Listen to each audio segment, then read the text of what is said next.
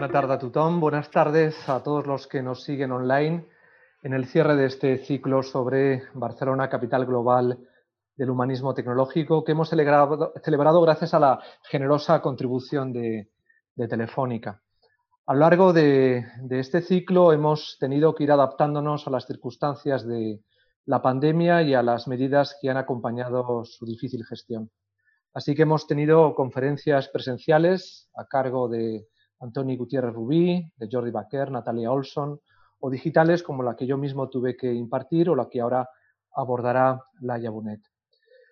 El humanismo tecnológico está de moda, lo estaba antes de la pandemia y lo está ahora, aún más debido a una especie de consumación digital que plantea brechas de desigualdad, riesgos de deshumanización, tentaciones de control y dominación tecnológicas, riesgos de ciberpopulismo y cuestionamientos de la verdad, así como escenarios de inquietante distopía que nos obligan a pensar políticas públicas centradas en la dignidad humana, algo de lo que el humanismo tecnológico se hace eco y que defiende como posibilidad resiliente frente a la adversidad que ha propagado el coronavirus. Barcelona está excelentemente posicionada para ser un laboratorio global que afronte un relato de ciudad basado en el humanismo tecnológico. Al finalizar esta sesión retomaré esta cuestión brevemente para despedir al ciclo, pero ahora quiero dar la palabra a Chema Casas, director de Telefónica Mediterráneo, que nos acompaña hoy y que dará presentación a la conferencia de hoy y a nuestra ponente, Laia Bonet. Muchas gracias. Muchas gracias, José María. Muchas gracias, Laia. Y como decía José María, a modo de introducción y de poner un poquito en contexto lo que nos va a contar Laia después y la importancia pues, del humanismo tecnológico y de Barcelona como capital del humanismo tecnológico, puedo contaros que, en Telefónica desde hace mucho tiempo tenemos la misión y está en nuestros lemas publicitarios pues que de hacer un mundo más humano pues conectando la vida de las personas. De hecho, era el claim publicitario que salía en muchos de nuestros comerciales desde hace pues más de 10 años. Y en esta crisis del, del COVID que acabamos, estamos todavía eh, saliendo, pero en los meses más álgidos pasados, ¿no? La conectividad ha resultado clave. ¿no? Yo pertenezco a un grupo de, gente sumamente inteligente en la que estoy porque soy amigo del fundador, no por otra cosa, ¿no? Y, hay ahí un montón de PhD de Stanford y un montón de, gente de Silicon Valley.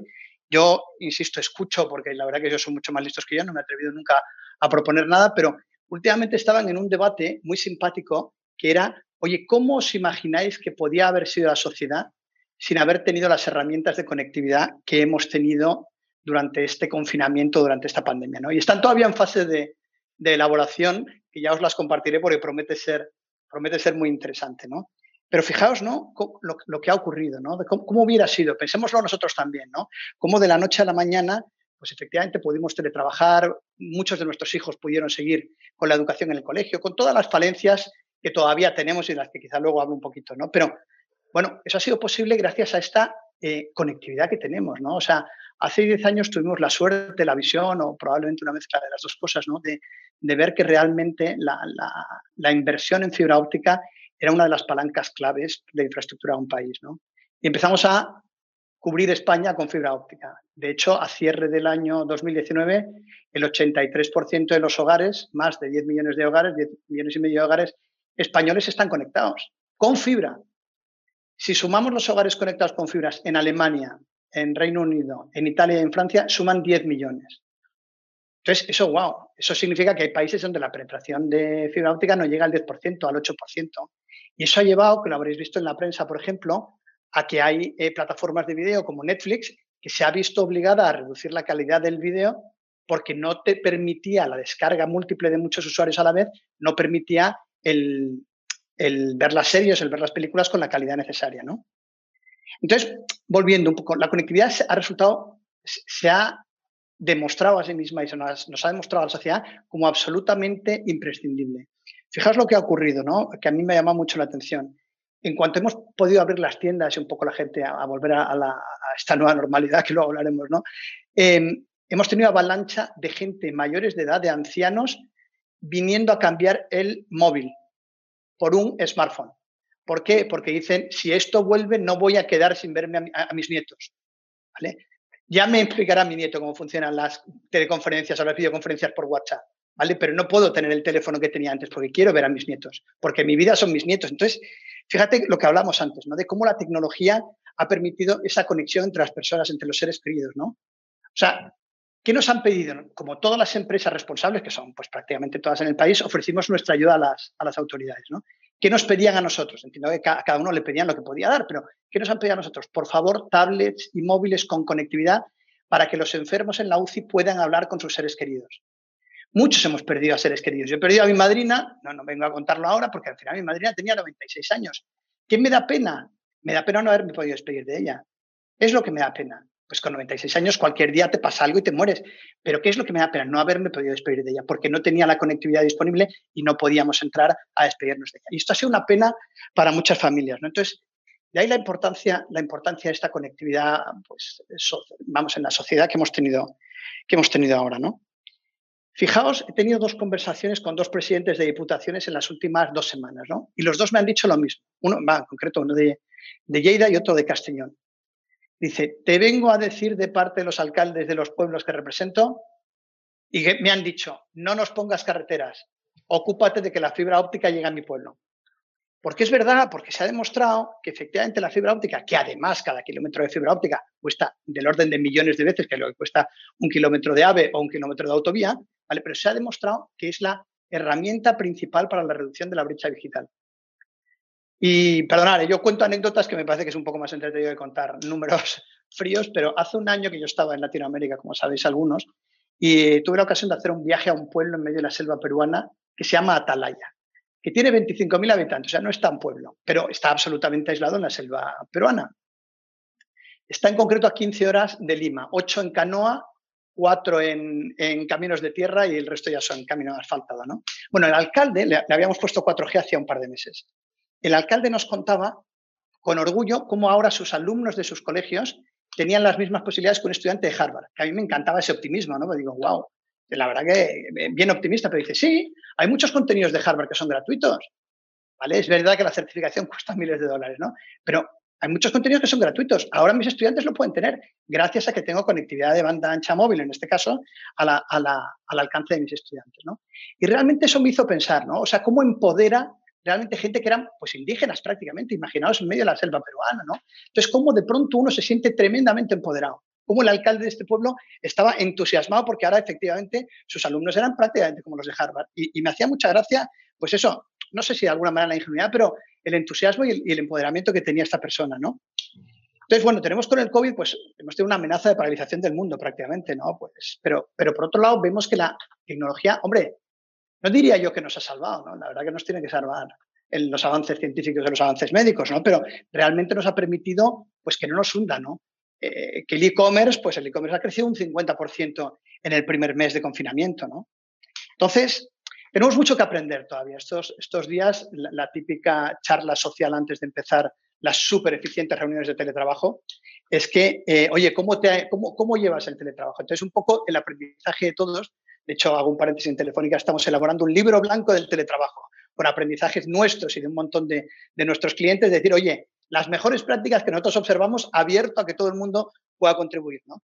Pero una de las cosas que observamos es que en muchos casos lo que hemos ido es trasladar nuestra vida física, por decirlo de alguna manera, tal cual a una pantalla. Lo mismo con la educación, ¿no? Y hombre, es verdad que hay que aprender otras capacidades y que no es solamente trasladar a una pantalla, es verdad que ha sido un reto brutal y que lo hemos hecho a una velocidad, pero y con mucho, de manera mucho menos incruenta de lo que hubiéramos pensado hace mucho tiempo, pero bueno, hemos sido capaces, ¿no? Entonces, ya, voy terminando, ¿no? Pero lo, que estamos diciendo es, bueno, efectivamente se, viene una nueva normalidad, probablemente, y le llaman nueva normalidad, pues porque probablemente la sociedad y el mundo no sea, después de esta pandemia, pues igual de lo que conocíamos anteriormente, y en muchas cosas para bien. Siempre hay que buscarle el aspecto positivo a todo, ¿no? Yo hace un año daba, daba una charla en un seminario de empresas, había unos 150 empresarios en Ecuador, y les pregunta, ¿quiénes de vosotros estáis ya inmersos en un proceso de transformación digital? Y levantaron la mano unos 20. Ok, ¿quiénes vais a empezar un proceso de transformación digital en los próximos seis meses? Y levantaron la mano otros 20. Entonces yo dije, bueno, los 100 restantes más o menos, o sea, sois como los de sexto sentido, ¿no? O sea, estáis muertos y no os habéis enterado. Y eso lo contaba yo en junio del año pasado, cuando todavía no sabía que iba a pasar esto. Bueno, pues si eso, hombre, es verdad que lo hacía un poco para provocar, pero después de lo que hemos vivido, estoy absolutamente convencido de eso, de que, porque dicen muchos expertos que lo que pensábamos que iba a venir en los próximos 5 o 10 años de transformación digital, de todo, ¿eh? de la sociedad, de la administración pública, de las empresas, ha venido para quedarse y va a ocurrir en los próximos seis meses. Con lo cual, esa aceleración de también de los que no se transforman van a morir es absolutamente una realidad, ¿no?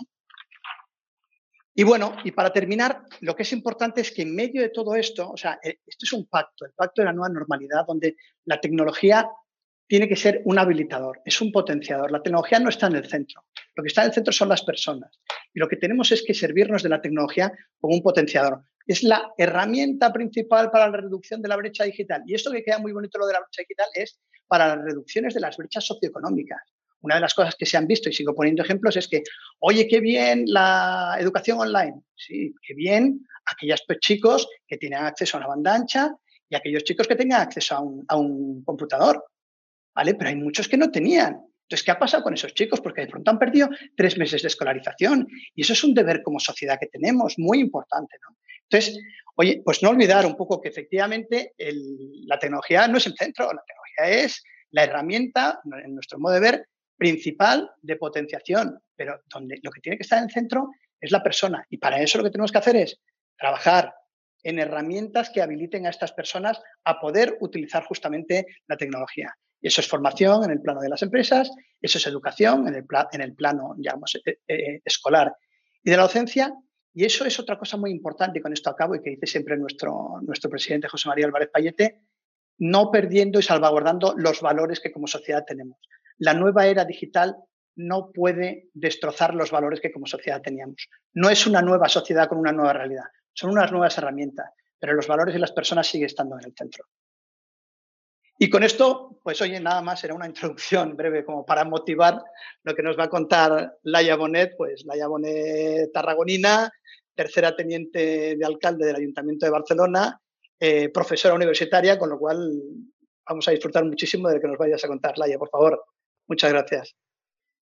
Gracias a vosotros. La verdad es que si os tengo que contar algo que tenga que ver con mis clases, ah, va a tener poco que ver con lo que me habéis ah, pedido que hiciera, porque es derecho, derecho administrativo, pero seguro que encontraríamos alguna, alguna relación.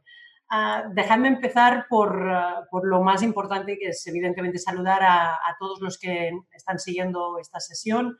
Buenas tardes y a todos y a todas y sobre todo muchas gracias por, invitarme a participar ah, en esta última sesión de un ciclo que cuando supe su creación la verdad es que me ilusionó muchísimo. Barcelona, capital global del humanismo tecnológico. Mejor título no, no podía existir. Pero vamos a seguir también por algo que también es muy importante. También agradecer al Círculo de Economía y, es, quien está detrás de, tantos y tantos actos que se organizan desde ahí siempre en el centro de la reflexión y, evidentemente en este caso José María, José María gracias también especialmente por, impulsar esta iniciativa de, este, de, este, ciclo de debates y evidentemente Chema, también Chema Casas, la Telefónica, a quien hoy representas aquí y que ha apoyado este ciclo desde, desde el principio. ¿no?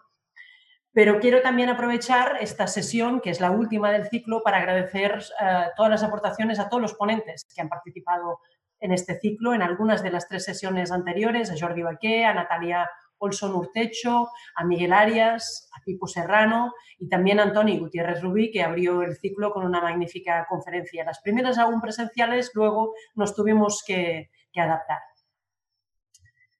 Pero permitidme que empiece esta intervención con algo que tenía ganas de decir con toda esta claridad, una declaración de intenciones. Convertir Barcelona en la capital del humanismo tecnológico es una prioridad para el gobierno de la ciudad, para el gobierno de Barcelona. De hecho, hace unos días, en una entrevista, John Hoffman hacía esta reflexión. Decía, ¿puede Barcelona ser un hub del humanismo tecnológico? Y él mismo respondía, puede, puede si cree en ello y quiere hacerlo, y continuaba, el mundo espera liderazgos y en este momento hay muchos terrenos vacíos por llenar como este. Pues ya os digo que queremos ejercer este liderazgo. Es por eso que hoy quiero exponer en esta oportunidad que me, que me habéis brindado por qué apostamos por el humanismo tecnológico y por qué queremos y podemos convertirnos en su capital global.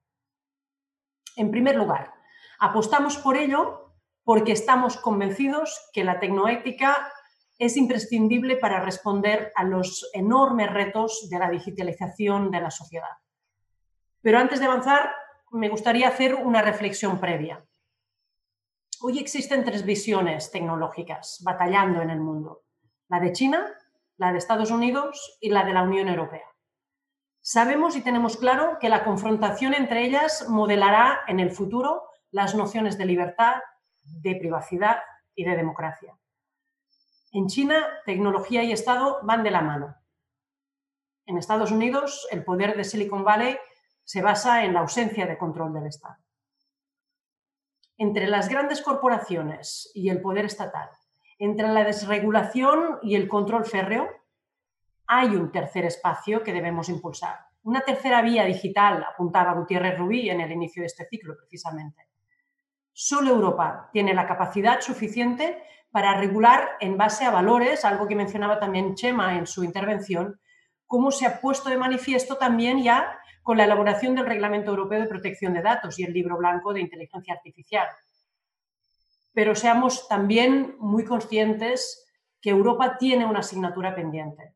Europa debe querer ejercer el poder para preservar su modelo político y social. Si no lo hace, si no lo hacemos, quedará subordinada, quedaremos subordinados.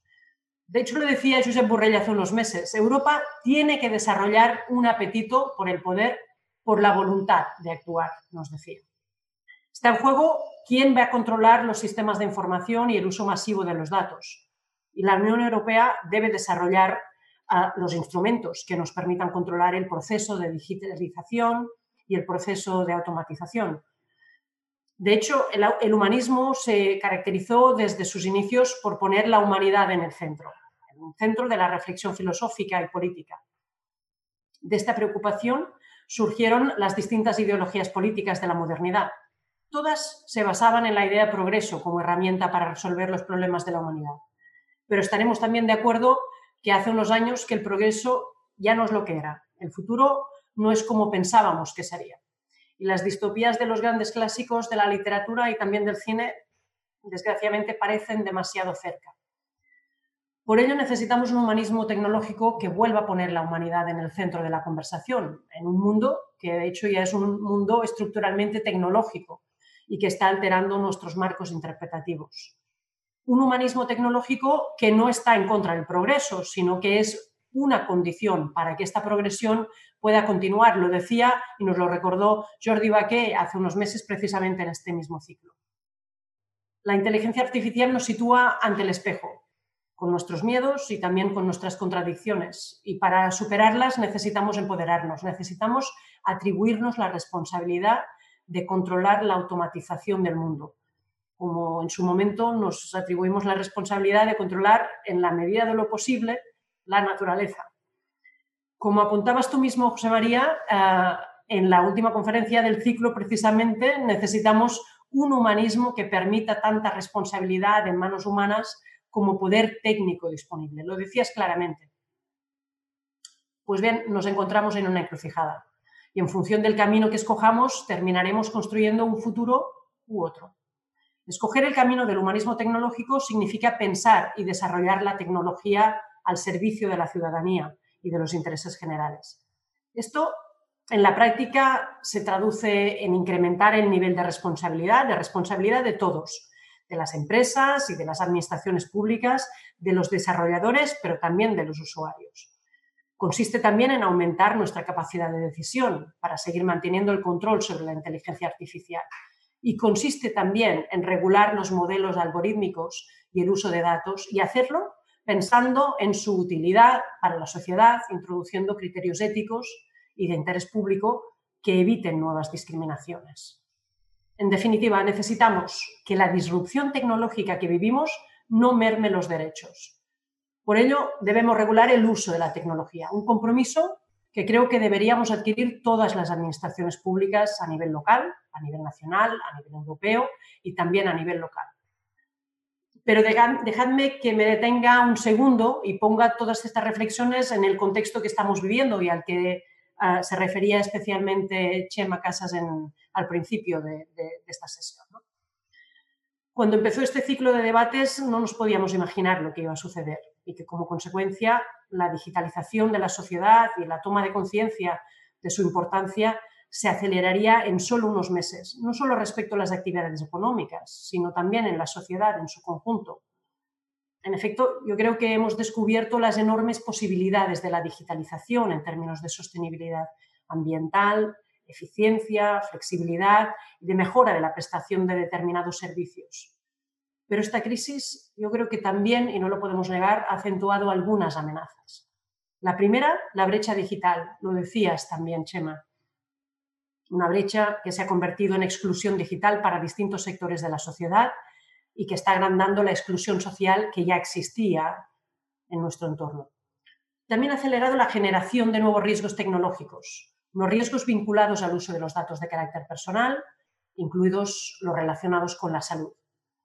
En este nuevo contexto mm, en el que estaremos de acuerdo, la inestabilidad y la incertidumbre siguen presentes, como lamentablemente estamos comprobando con el crecimiento de contagios estos últimos días, nos queda lo más difícil, lo más difícil por hacer, aprovechar la crisis para establecer las bases de una digitalización más eficiente y más justa.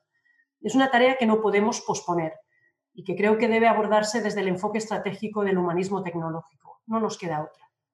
Se trata de una necesidad europea que nosotros, desde Barcelona, queremos liderar. Dejadme hacer un juego de palabras. Esta bien podría ser la historia de tres ciudades, San Francisco, Shenzhen y Barcelona. En San Francisco surgió la innovación que ha cambiado nuestras vidas sin freno ni control. En Shenzhen se ha desarrollado una tecnología muy controlada por el Estado. Pues en Barcelona debe desarrollarse una tecnología al servicio de los ciudadanos. En definitiva, como decía, queremos apostar por el tecnohumanismo.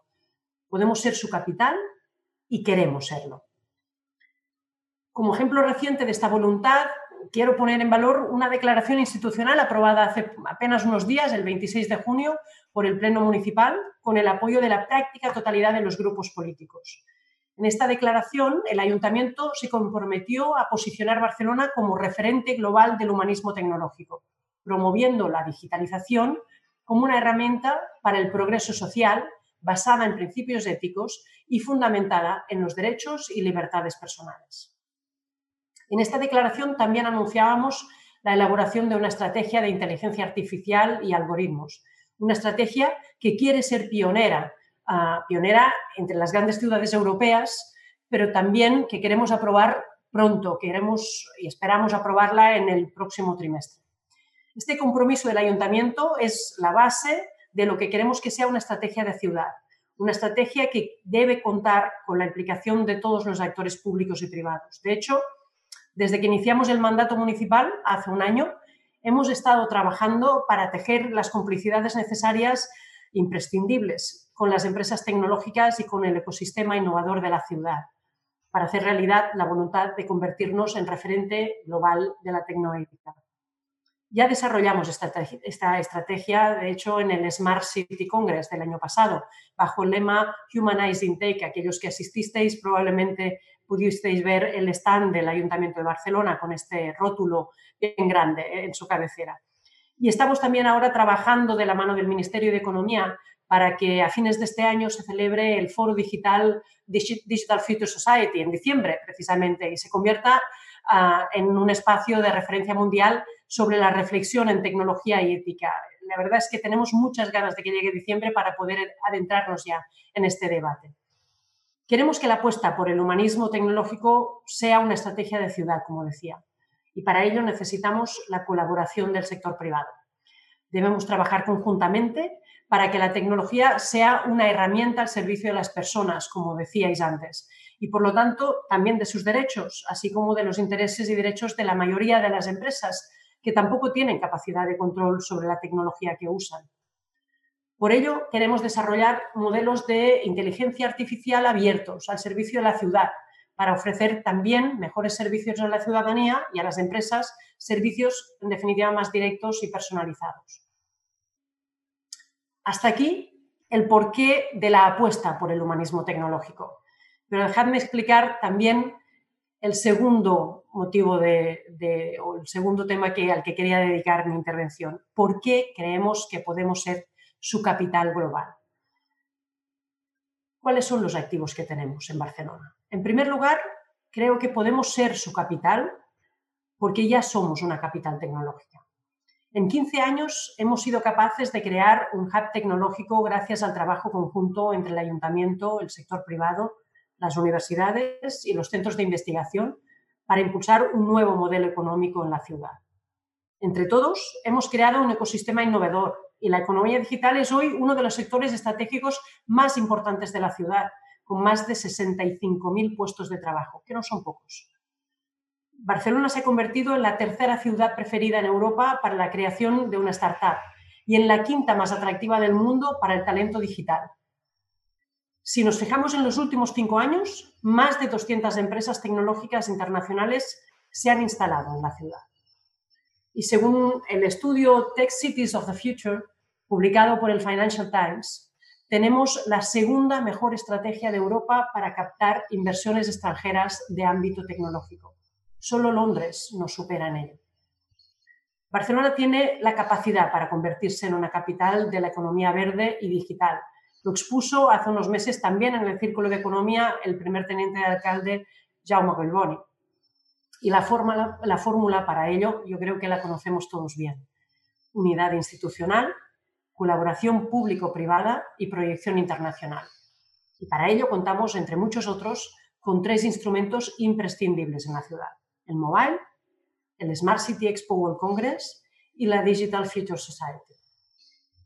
Pero no nos quedemos en este activo tenemos también la oportunidad de ser capital del humanismo tecnológico porque tenemos los instrumentos para estar en la vanguardia de la transformación digital que está en marcha. El 22 arroba es el centro de la nueva economía de toda la región metropolitana de Barcelona y un referente a la vez de toda Europa. Miles de empresas del sector digital y de las telecomunicaciones tienen su sede en esta área. Hemos creado un hub tecnológico, como decía antes, de la mano de empresas, de nuevos emprendedores y también de centros de investigación, con un papel clave también. Este hub es un gran activo de la ciudad para convertirnos en, un capital, en una capital ah, importante en términos tecnológicos, pero yo diría más en capital del humanismo tecnológico. En el 22 arroba se están desarrollando la industria 4.0 y también soluciones tecnológicas que pueden impulsar la transformación digital que el sistema productivo requiere. Pero necesitamos que el 22 arroba siga creciendo. Por ello, el Gobierno de la ciudad ha impulsado una nueva reforma para que este 22 arroba, este área, este distrito de innovación, pueda seguir evolucionando. Este es el camino, no entendemos que sea otro. El crecimiento de este distrito y la conexión con los polos de innovación que existen a su alrededor, desde, la, desde Diagonal Mar hasta el Portbell, creo que definirá el futuro de la ciudad. En definitiva, queremos fortalecer un eje de innovación, conocimiento e investigación en el litoral de la ciudad orientado a la digitalización de los sectores productivos del área metropolitana de Barcelona con la participación, como decía, de universidades, de centros de investigación, de clústeres y con las infraestructuras estratégicas que ya existen en él, el puerto y el aeropuerto. Detrás del necesario cambio tecnológico y productivo para conseguir un desarrollo sostenible, también hay algo que también es imprescindible, una gran oportunidad económica. Hay que modernizar la economía tradicional si queremos cambiar el modelo de producción y consumo. Pero más allá de ser ya un hub tecnológico y contar con un distrito de innovación, ¿qué más tenemos en Barcelona? Pues contamos con las infraestructuras básicas necesarias para ser la capital del humanismo tecnológico. Desde hace 15 años, Barcelona aloja dos infraestructuras clave que le han permitido posicionarse en el ámbito tecnológico. El Barcelona Supercomputing Center, que gestiona el Mare Nostrum, todos lo conocéis, uno de los supercomputadores más potentes de Europa, y el sincrotron ALBA, el complejo de aceleradores de electrones más importante del sur de Europa. Y ahora, precisamente en ese campo, necesitamos reforzar una tercera infraestructura, la que nos debe permitir desarrollar la tecnología, la tecnología 5G. En el fortalecimiento del sector tecnológico creo que es importante la necesidad de ser pioneros Y en este contexto aparece una gran oportunidad para Barcelona, el desarrollo de la tecnología 5G como herramienta al servicio de la ciudadanía ah, y, por lo tanto, claramente conectado con todo lo que estamos hablando. Queremos, en definitiva, que el 5G sea una herramienta que nos permita poner en marcha aplicaciones que mejoren los servicios y la calidad de vida. La ciudadanía en el centro, decíamos antes, pues también en ese sentido. ¿Para qué nos debe servir el 5G entonces? Pues para mejorar la movilidad y reducir la contaminación, para mejorar la atención sanitaria y social, para incrementar la seguridad y mejorar la gestión de las emergencias, para proporcionar la competitividad a las empresas o también para situar Barcelona en la vanguardia tecnológica. Para todo ello. Barcelona está ejerciendo liderazgo en el desarrollo de esta tecnología en el ámbito europeo y también a través de la iniciativa 5G. Esta iniciativa impulsada por el gobierno de la Generalitat, el ayuntamiento y la Mobile World Capital, ah, junto a centros universitarios y de investigación, está permitiendo transformar la ciudad y su área metropolitana en un laboratorio abierto y neutral para la adopción de tecnologías y aplicaciones 5G en un entorno real. Es una iniciativa que no solo está impulsando proyectos pilotos innovadores, sino que está funcionando como promotor de la implantación del 5G, ayudando a empresas y organizaciones a entender las ventajas que aportará la nueva tecnología y a la vez a explorar sus aplicaciones. En el ámbito europeo, Barcelona ha liderado un grupo de ciudadanos, de ciudades, ah, un grupo de ciudades muy relevantes ah, en el marco de la red que todos también conocéis, Eurocities. Un grupo de ciudades que ha participado ah, activamente en, en algo que era muy relevante y en el que a menudo las ciudades quedan al margen una consulta abierta por la Comisión Europea sobre el reglamento de despliegue del 5G. Quiero subrayar la importancia de la esfera europea. La capitalidad de Barcelona del humanismo tecnológico será global, pero la capacidad de implementar el modelo tecnológico que defendemos se jugará principalmente en nuestro continente, en Europa. Barcelona ya lidera la coalición de ciudades por los derechos digitales junto a Nueva York y a Ámsterdam y también lidera el grupo de ciudades digitales de la red de grandes ciudades europeas, como os decía, Eurocities. El trabajo en red con otras ciudades, de hecho, refuerza el liderazgo de Barcelona y la capacidad de incidir sobre políticas europeas y, globales. Nuestro trabajo en este plano internacional es consecuencia justamente, precisamente, de nuestra voluntad de liderazgo en un escenario de alta competitividad. La implementación de la tecnología 5G abre sin duda una oportunidad para incidir en el modelo de despliegue urbano de esta tecnología y también en su modelo de uso de los datos. El desarrollo del 5G requiere inversiones relevantes que hay que planificar para evitar riesgos económicos y también riesgos operativos. Queremos un despliegue ordenado, racional y sostenible, pero también, algo que no debemos olvidar, un despliegue equitativo toda la ciudad debería tener acceso a la red 5G para aprovechar las oportunidades que puede ofrecer. Y queremos que la nueva red se desarrolle con información y transparencia, garantizando la seguridad y la privacidad. Queremos ser pioneros, como decía, en una aplicación de la tecnología 5G que incluya criterios éticos y que garantice los derechos digitales de la ciudadanía. Y voy terminando con los activos que tenemos en Barcelona y que nos permitirían y, queremos que nos permitan ser la capital del humanismo tecnológico.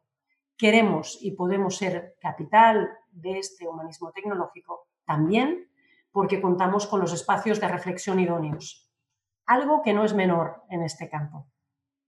En el ámbito académico existen varias iniciativas en este sentido, como la de la Universidad Politécnica de Cataluña. El otro día, precisamente, en una reunión con su rector y su equipo, ah, nos comentaban eh, las acciones que están promoviendo para fomentar el debate sobre el humanismo tecnológico y el impacto de la tecnología desde un punto de vista ético, sostenible, de responsabilidad y de equidad social, con programas para aproximar la tecnología a las humanidades. Algo que no es obvio, pero que es imprescindible. También entre organizaciones de la sociedad civil se contribuye a ello como por ejemplo la Open Society Foundation, y, tuvimos en este mismo ciclo a, Jordi Baquet.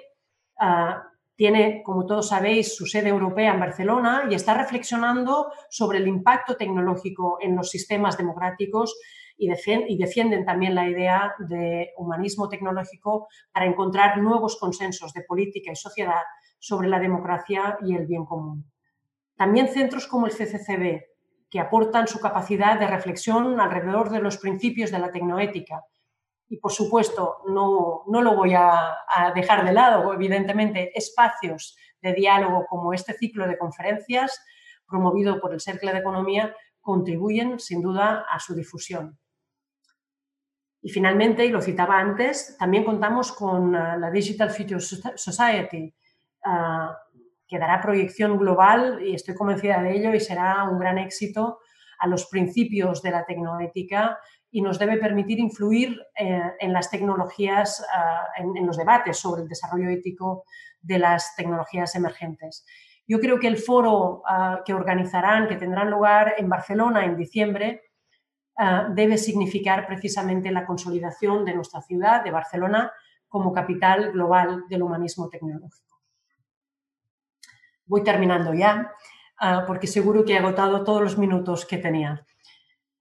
los últimos meses yo creo que hemos vivido una aceleración de la transición digital hasta el punto que tú mismo, José María, has afirmado que ya estamos en un escenario de consumación digital. En este marco, quiero reafirmar de nuevo nuestro compromiso. Barcelona quiere y puede convertirse en la capital global del humanismo tecnológico. Tenemos los instrumentos, contamos con el discurso, con los centros de reflexión que lo impulsan y estamos desarrollando las infraestructuras necesarias para aplicar soluciones tecnológicas basadas en criterios éticos. Estoy convencida que las tecnologías emergentes solo se, solo se consolidarán si se producen, si producen ah, un retorno positivo, un retorno ah, claramente positivo en nuestra sociedad, si generan riqueza, si generan, si producen mejoras en la vida cotidiana, si generan en definitiva cohesión social y capacidad de transformación. Si queremos evitar que la disrupción tecnológica que estamos viviendo no termine creando una grave crisis política y social, debemos poner a las personas en el centro del desarrollo tecnológico. Y debemos hacerlo ahora. No tenemos otra alternativa. Y este, este precisamente es nuestro compromiso. Un compromiso que me gustaría que fuera un compromiso compartido. Este camino lo debemos transitar juntos con los gobiernos catalán y español y en colaboración con los actores económicos implicados. Estoy, estoy claramente convencida, estoy segura que contamos con todos vosotros. Muchas gracias. Bueno, pues yo creo que nos has eh, dejado muy satisfechos de haberte escuchado con esa contundencia, una reflexión que, que realmente consolida la idea de tratar de construir desde Barcelona una apuesta clara por convertir a esta ciudad en lo que tú ya la has descrito como lo que ya sabíamos que era, una ciudad especialmente capacitada para liderar todo un ecosistema bajo una narrativa que apueste por el humanismo tecnológico y todo lo que implica, ¿no? Una tecnoética, una capacidad tecnohumanística para abordar eh, la complejidad del mundo tecnológico al que nos, al que nos enfrentamos. Y la verdad es que mm, creo que has eh, dado la completitud que necesitaba el ciclo después de todas las reflexiones que se han planteado en el mismo. Yo no sé, Chema, si tú eh, quieres plantear eh, alguna cuestión, si la exposición que ha hecho Laia te sugiere alguna idea con la que poder abrir un diálogo con ella o planteamos algunas cuestiones ya directamente. Te doy la palabra, Chema, y, después la retomas tú, Laia, y vemos cómo damos forma a las preguntas que se vayan planteando. Dale, gracias, José María. Yo tenía que haber nacido periodista, no porque sepa escribir ni hablar, sino porque alguien me dijo alguna vez que me encanta la polémica. Entonces, como esto se trata un poquito de, generar el debate, mira, te voy a hacer un poco el, planteamiento de, que le hacía el otro día al, al primer teniente alcalde en esta iniciativa tan bonita que estáis eh, poniendo en marcha de reactivación económica de la ciudad y que la verdad que, me encanta porque, porque bueno, es, un poco eso que hablaba yo antes también del pacto digital, ¿no? Que estamos diciendo, eso, esto es colaboración público-privada o pacto digital entre sociedad, empresarios, pymes, comerciantes y administración pública, en este caso local. ¿no? Pero yo le decía un poquito, eh, eh, le decía, mira, es Barcelona eh, capital mundial del 5G, Barcelona sede del Mobile World Congress, Barcelona capital europea de la movilidad sostenible y Barcelona también centro y capital mundial del humanismo tecnológico. ¿Cómo puede ser que nos hayan pasado por delante como Barcelona? Esto, todo esto al final son patas de, llámale Smart City, llámale Barcelona Ciudad Digital, pero de vuelta, tecnología al servicio de los ciudadanos. ¿eh? No poner dispositivos por poner dispositivos, que eso no tiene ningún sentido, sino al servicio de los ciudadanos. ¿Cómo puede ser que ciudades como Málaga, como Valencia, como Santander, por poner ejemplos aquí en España, nos estén pasando por delante cuando la vocación de Barcelona claramente es ser también y liderar justamente eso? ¿no? Pero bueno, es por generar polémica, ¿eh? no, no. va un poco como pregunta también. No, yo, creo que es una magnífica noticia que ciudades ah, que, quizá no, tendrían el, potencial en términos ah, de, musculatura, ¿no? de, presupuesto también, ah, hayan entrado en, estas prioridades. Yo creo que ahí también, y es importante, antes tú lo decías, ¿no? Decías, la, la, tecnología es un potenciador, no es un objetivo en sí mismo. Yo creo que en ese sentido también venimos de, unos años en los que ha costado ah, bastante ah, tener esa visión clara, que la tecnología es un potenciador, que, que las personas siguen siendo las que tienen que estar en el foco eso probablemente ah, nos, ha, hecho ah, encontrar hoy en este debate y en este escenario a ciudades que quizá han entrado en el tema tecnológico desde lógicas distintas. Simplemente, quizá, ah, básicamente porque hubo una época en que la Smart City era eso, una ciudad tecnológica, una ciudad donde todo funcionaba digitalmente, donde una, ciudad moderna, una ciudad del futuro, ¿no? Y eso era positivo en sí mismo, pero no se hacía el vínculo para las personas. Yo creo que no se hacía el vínculo de la apuesta por la tecnología por el hecho de que facilitaba ah, servicios, facilitaba la calidad de vida de las personas que viven en esa ciudad.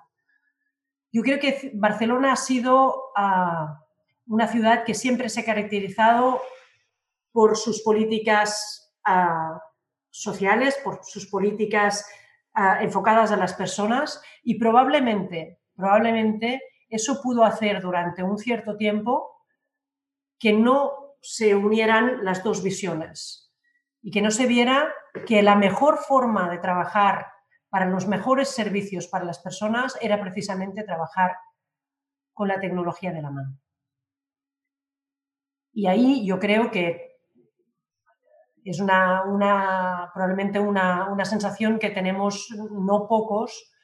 Ah, hubo durante unos años, y no solo en Barcelona, sino en, otras ciudades, una sensación ah, de que trabajar por la tecnología era trabajar por algo que estaba muy alejado de la ciudadanía y que había otras necesidades, otros servicios que priorizar.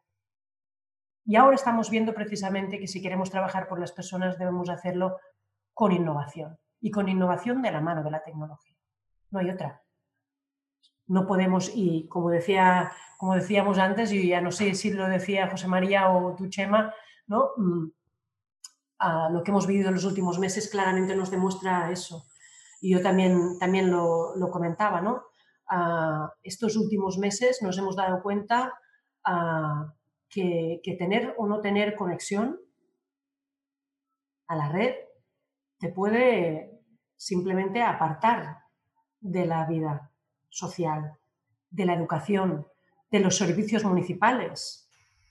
Todo ah, en un contexto tan, tan difícil como el que hemos tenido, ah, tenía la posibilidad de continuar en cierta medida a través de la red. Pero tenías que tener la posibilidad de estar ahí. Yo creo que esa evolución también la hemos podido hacer ah, en los últimos tiempos en Barcelona y conectar los dos temas y eso probablemente nos ha hecho conectar dos mundos que existían en la ciudad, la atención por las personas y la apuesta por la modernidad y el sector tecnológico y al final resulta que no estamos hablando de dos temas, que estamos hablando de un solo tema.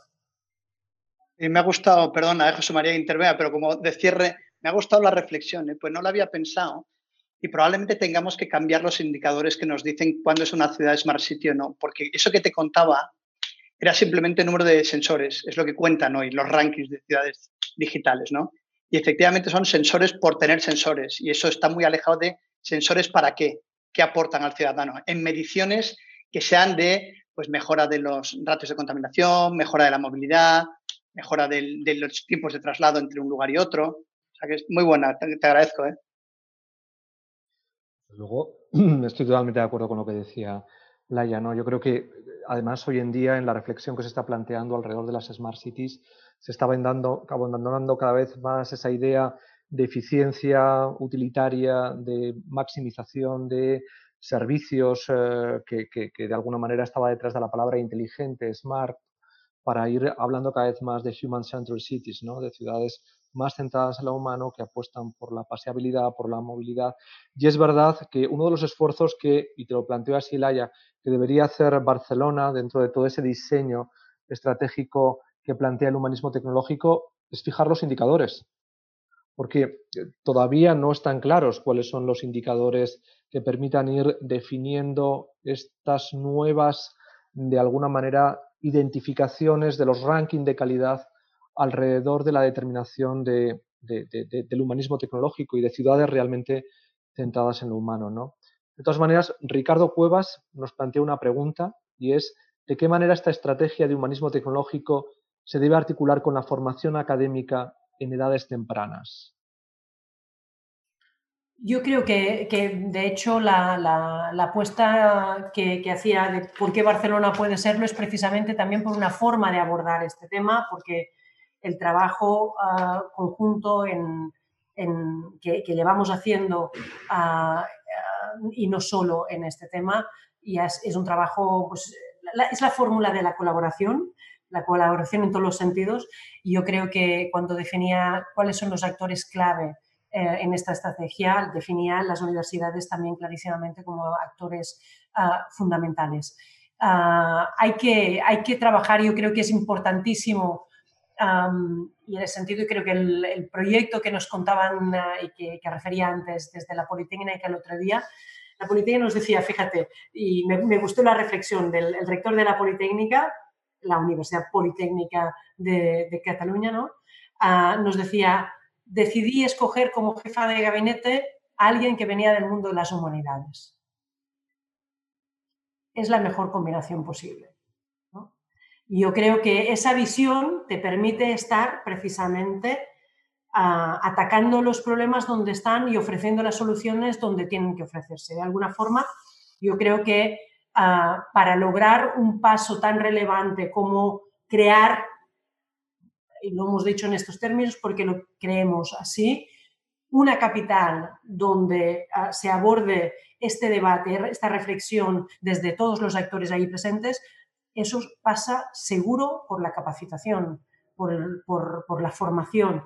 Y yo creo que, evidentemente en la universidad ah, eso es fundamental y esa, mirada ah, amplia a la que me refería ahora pero también en la educación temprana es importante que, podamos trasladar esta, esta, visión más rica ah, del impacto que tiene la tecnología desde, desde etapas más tempranas. Totalmente de, acuerdo. Chema, ¿quieres hacer algún comentario? O... Sí, no, un poquito en, la misma línea que decía Laia, yo lo, que observamos en Telefónica, un poco de la visión de, de, lo que está ocurriendo en el país, hay una preocupación, una sana preocupación por parte de los gobiernos autonómicos se han dado cuenta efectivamente que los meses de marzo, abril, mayo y junio ha sido un desastre para algunas, algunos, no pocos, ¿eh? algunos cientos de miles de niños en, educación escolar que efectivamente es que no han tenido ni el acceso, ¿no? Y entonces están con una sana preocupación intentando cerrar lo antes posible esta brecha digital, porque como decíamos al principio, eh, esto ha venido para, quedar, para quedarse, ¿no? No sabemos si por los rebrotes o, no sabemos si porque ha cambiado el modelo también. Probablemente, ¿no? Y entonces probablemente veamos que sea más útil una formación mixta presencial virtual, etcétera, ¿no? Pero bueno, es que hoy por hoy todavía nos encontramos con cientos de miles de niños en España que no tienen ni las herramientas para poder hacer esto. No tienen ni el hardware, no tienen el software y no tienen la conectividad. Y entonces, efectivamente, como decíamos al principio, esto es una herramienta potenciadora. Potenciadora, pues como todos los potenciadores, ¿no? Potenciadoras del bien y potenciadora del mal. Si efectivamente siguen sin contar con las herramientas, esta, esta brecha digital, lejos de ir estrechándose, lo que va a hacer es acelerarse y, crear, y hacerse una brecha muchísimo mayor. Porque la rapidez a las que van a irse educando y pudiendo potenciar sus, sus skills y sus capacidades, el resto de los chicos en edad escolar va a ser brutal. ¿no? Entonces, bueno, pues un poco nuestro, nuestro motivo, ánimo a las administraciones públicas, en ese sentido estamos trabajando también es, oye, corramos con esto porque, porque pasa otra cosa, y esto, perdonar que baje tan a lo terrenal, ¿no? Esto se han dado cuenta en todo el mundo. Y hoy hay, va a haber tremendamente en el cuarto trimestre de este año una faltante de stock de portátiles en todo el mundo brutal. O sea, estamos hablando con la gente en el logo, con la gente de HP, con la gente de, bueno, con todos. Y lo que nos dicen es, oye, hacer los pedidos cuanto antes porque no sabemos cuándo los vamos a poder servir. Entonces, pues bueno, hay que empezar por ahí porque efectivamente esto lo puede, eh, igual que es un potenciador para el bien, puede agravar mucho más la situación actual.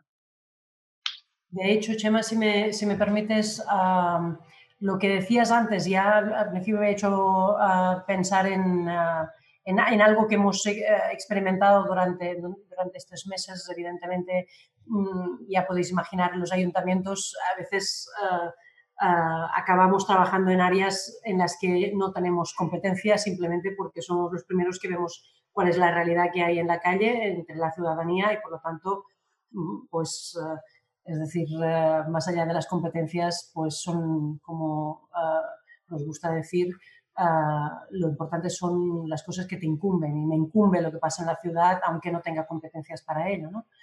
Una de las cosas en las que hemos trabajado durante este, este confinamiento es en la detección de la verdadera realidad que hay detrás de la brecha digital en el ámbito educativo. Y, lo que hemos visto es que no teníamos datos suficientes para poder abordar políticas ah, claras.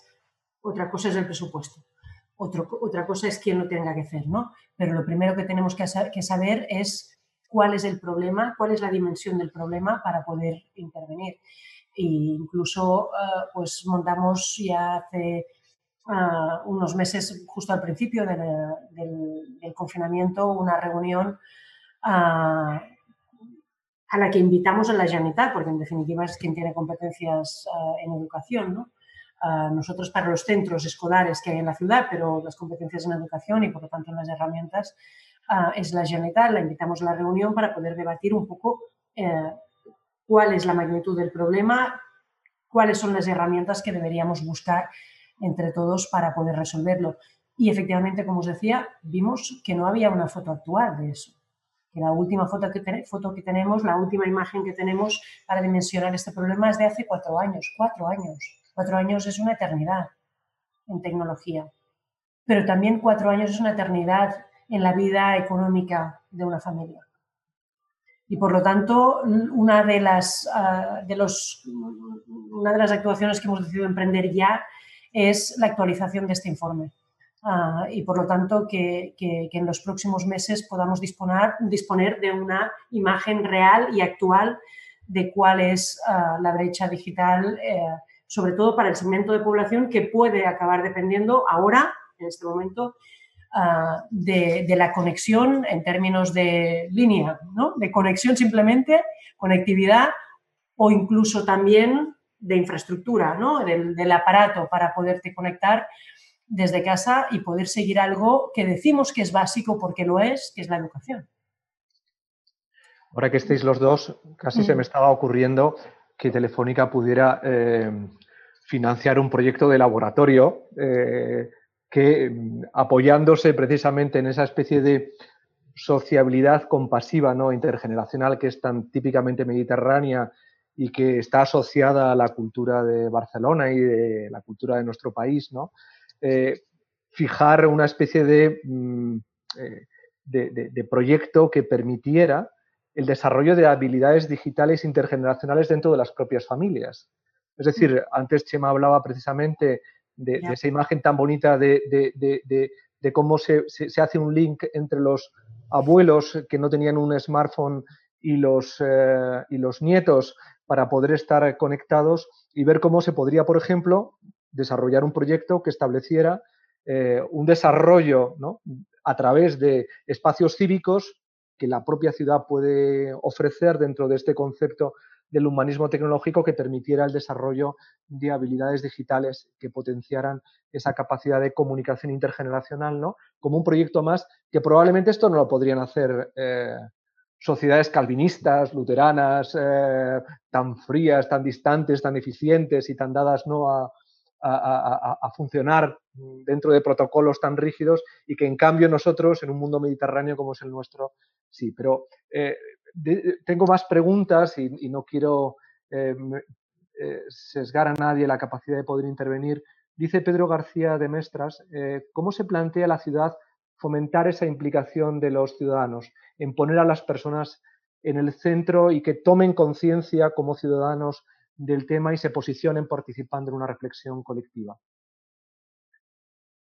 Pues ah, mira, es una preocupación que ya viene, viene acompañando a este ayuntamiento desde hace unos pocos años, ah, precisamente por lo que contaba antes de, la percepción que había habido probablemente de que todo lo smart, todo lo tecnológico era más bien gris. Voy a utilizar, ah, si me permitís, este color en un tono negativo, a pesar de que Ah, no tiene por qué ser así, pero bueno, normalmente se hace.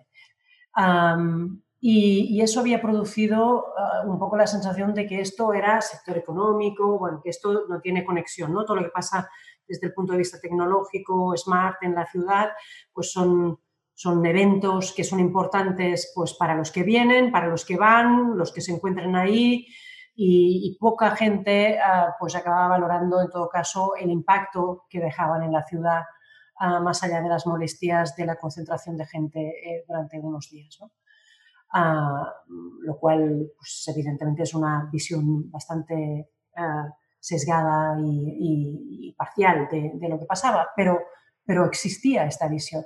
Lo que se intentó, ya se ha intentado en los últimos años, es acompañar la, el Smart City World Congress de una semana entera de debates y de reflexión que, llamamos, Smart City Week, ah, en la que precisamente invitamos a la ciudadanía y que se desarrolla en varios sitios, en barrios, no solo todo en lógica central, ¿no?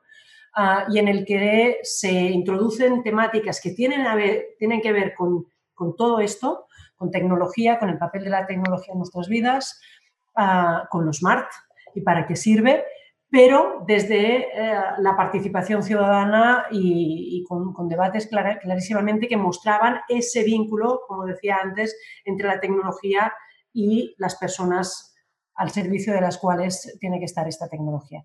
Y la verdad es que, esta última, la que hicimos este, este año pasado, ah, junto al Smart City World Congress, ah, fue un auténtico éxito. Lo que estamos viendo es que se nos quedan las salas salas, porque esas salas eran presenciales aún, se nos quedaban pequeñas.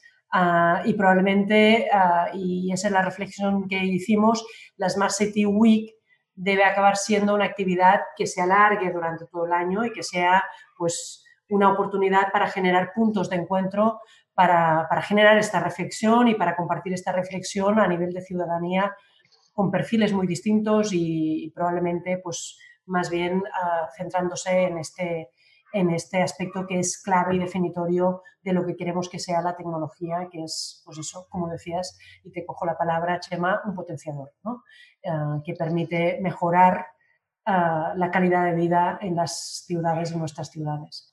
Y luego también lo hacemos con otra, con otra política que, ya podéis imaginar que cada vez va a, ser, va a ser más importante y que también tiene que ver con, con esto que, decíais, que decías tú ahora, José María, que es la capacidad, ¿no? Y lo decía Chema también al principio, creo, ¿no? El empoderamiento ¿no? de la ciudadanía, pues eso pasa por la capacitación.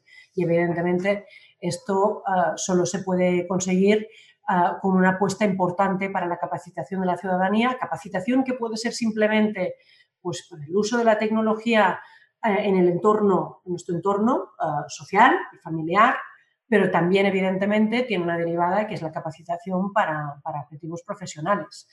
Eso es una apuesta que desde hace años se, ha hecho desde el ayuntamiento y que con lo que hemos vivido en los últimos años, pues ah, forma parte también de una de las actividades que se han incluido en lo que denominamos el Fondo COVID, que es eh, esta reformulación de los presupuestos ah, con 90 millones dedicados a programas, a proyectos ah, que en el marco de la pandemia que hemos vivido ah, queremos lanzar el mensaje de que son prioridad para la ciudad y la capacitación evidentemente forma parte de ellos.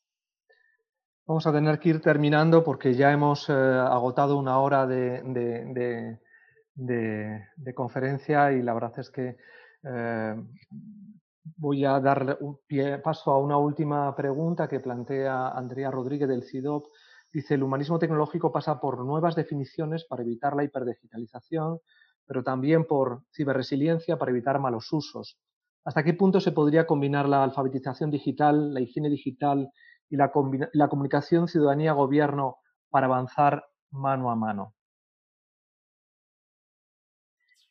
Bueno, yo antes cuando, cuando Chema hablaba del teletrabajo, que así se me escapaba una sonrisa, porque yo creo que si algo hemos hecho estos últimos meses, algunos, ah, yo creo que no tiene mucho que ver con el teletrabajo. Es, ah, es, hemos hecho lo que hemos podido hacer, que es trabajar a distancia. permitirme esa, ese, ese, matiz. Ah, y ahí hay probablemente una de las tareas que tenemos más exigentes en los próximos meses y, más ah, viendo que, este escenario ah, no se nos va del todo, es decir, que, puede repetirse y que tenemos que estar preparados. Tenemos que sacar de ahí las lecciones, los, los, aprendizajes que hemos en positivo y en negativo. Lo que, lo que significa trabajar a distancia, teletrabajar en definitiva, y por lo tanto el uso de las tecnologías en nuestra vida, ah, mm, ahí tenemos que poner un cierto orden. Ah, y, por lo tanto, efectivamente, estoy, estoy muy de acuerdo en que ojalá consigáis, me decías, Chema, ¿no? que queréis hacer como, un libro de... Uh, el blanco seré, seré la primera lectora ah, y si me permite, seré la primera lectora crítica, porque es bueno que seamos lectores críticos todos, ah, también para detectar malos usos que hacemos todos. ¿eh? Y yo creo que nadie se escapa de malos usos durante estos últimos meses. Ah, tenemos que saber también acotar nuestro contacto con las tecnologías porque nos pueden facilitar la vida, pero también nos pueden alejar de nuestra vida eh, según cómo la utilicemos. Por lo tanto, ahí hay un, campo enorme, yo no me atrevo a hacer aún ninguna afirmación, pero lo que sí que os adelanto ya es que en el ayuntamiento hemos creado un grupo de trabajo para analizar esas lecciones, para identificar esas lecciones positivas y negativas de lo que ha sido esta experiencia y para sacar de ahí conclusiones ah, que nos permiten la próxima vez que nos encontremos en una situación como esta o como método para ir incorporando en nuestra vida normal ah, una capacidad de teletrabajo que sea ah, compatible con la calidad de vida. Bueno, Laia, Chema, la verdad es que muchísimas gracias a ambos por vuestra presencia hoy aquí. Gracias a, Telefónica por habernos eh, apoyado en esta iniciativa. La verdad es que podríamos haber seguido abordando más y más eh, cuestiones relacionadas con el tema del humanismo tecnológico. Creo que Barcelona tiene, como ha explicado muy bien Laia, una oportunidad real para convertirse en una ciudad con un relato humanístico, digital, tecnológico, que construye alrededor de la tecnoética eh, basada en la centralidad de la dignidad humana, un ecosistema único y una experiencia única, como un laboratorio que puede combinar registros de emancipación, registros críticos, resilientes e innovadores, un laboratorio de complejidad eh, que, hable y que condense la, complejidad poliédrica de una posmodernidad tecnológica en la que ya estamos viviendo. Yo creo que esa experiencia tiene un concepto que lo explica y da sentido, un concepto que se resume en una idea que la encarna perfectamente Barcelona, que es un concepto que, que, Antonio y yo hemos mencionado alguna vez, Antonio Guterres Rubí, que es la mediterraneidad digital, que es Barcelona es la capital del Mediterráneo y debe, yo creo que, encarnar dentro del humanismo tecnológico el liderazgo emblemático, icónico de la mediterraneidad digital, que es una narrativa con, con una textura plural, tolerante, abierta, mestiza, dinámica, hecha de intersecciones que le dan apertura e hibridación conceptuales y humanas únicas, en mi opinión, en el planeta y que le capacitan para poder encarnar el relato desde el que esa Europa a la que antes hacía mención Laia como tercer actor global confrontado a China y Estados Unidos, ofrezca al conjunto probablemente de la humanidad una oportunidad para que el ser humano sea centro de esa tecnología que no nos deshumanice, sino que nos haga mucho más humanos en nuestra capacidad para liderar los cambios que el planeta necesita en sostenibilidad, en movilidad, en justicia y en tantas otras cuestiones que afectan a, la continuidad del ser humano como especie. En fin, de verdad ha sido un lujo, creo que hemos tenido una oportunidad extraordinaria. Gracias otra vez, Chema, gracias a Telefónica, gracias Laia por tus palabras y gracias a todos los que han estado detrás, a Ricardo, a Pedro y a Andrea por sus preguntas y a todos los que se han quedado fuera sin poder hacerlas porque es que no teníamos tiempo material para poder dar cabida a todos. Así que muchísimas gracias y espero que hasta muy pronto. Gracias, a todos. Chao. Chao.